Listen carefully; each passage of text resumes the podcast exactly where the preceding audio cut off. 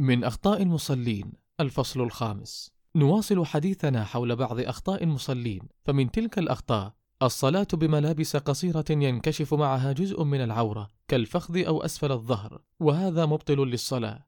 وعورة الرجل من السرة إلى الركبة والمرأة جميع بدنها عورة في الصلاة إلا وجهها وكفيها والأحوط أن تستر كفيها. أما إن كانت عند رجال غير محارمها فتستر كل جسدها. ومن الأخطاء تساهل بعض المرضى في أداء الصلاة حسب الاستطاعة. فالبعض يستطيع أن يصلي قائما لكنه لا يستطيع أن يكمل القيام إلى الركوع. فعليه أن يصلي قائما بقدر استطاعته فإذا تعب يجلس. وهكذا الذي يستطيع السجود ولا يستطيع الركوع. فيجب عليه أن يأتي بالسجود على الصفة المشروعة. وأما الركوع فيركع جالسا أو بقدر استطاعته لقوله صلى الله عليه وسلم صل قائما فإن لم تستطع فقاعدا فإن لم تستطع فعلى جنب. رواه البخاري.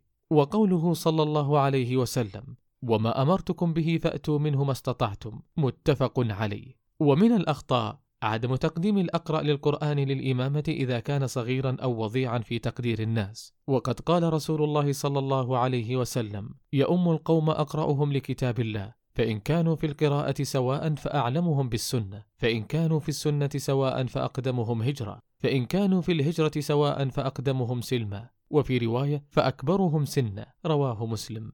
ومن الأخطاء الخروج من المسجد بعد الأذان لغير عذر لما روى مسلم في صحيحه عن أبي الشعثاء قال كنا قعودا في المسجد مع أبي هريرة رضي الله عنه فأذن المؤذن فقام رجل من المسجد يمشي فأتبعه أبو هريرة بصره حتى خرج من المسجد فقال أبو هريرة رضي الله عنه أما هذا فقد عصى أبا القاسم صلى الله عليه وسلم. ويستثنى من ذلك من خرج ليتوضأ أو خرج بنية العودة وفي الوقت متسع كما لو خرج ليوقظ أهله ثم يعود. وكذلك من خرج للصلاة في مسجد آخر إذا علم أنه سيدرك الجماعة فيه. زادنا الله علما وفقها في الدين. نكتفي بهذا القدر ونتحدث بمشيئة الله في اللقاء القادم عن سجود السهو وبعض المسائل المتعلقة بالسهو في الصلاة.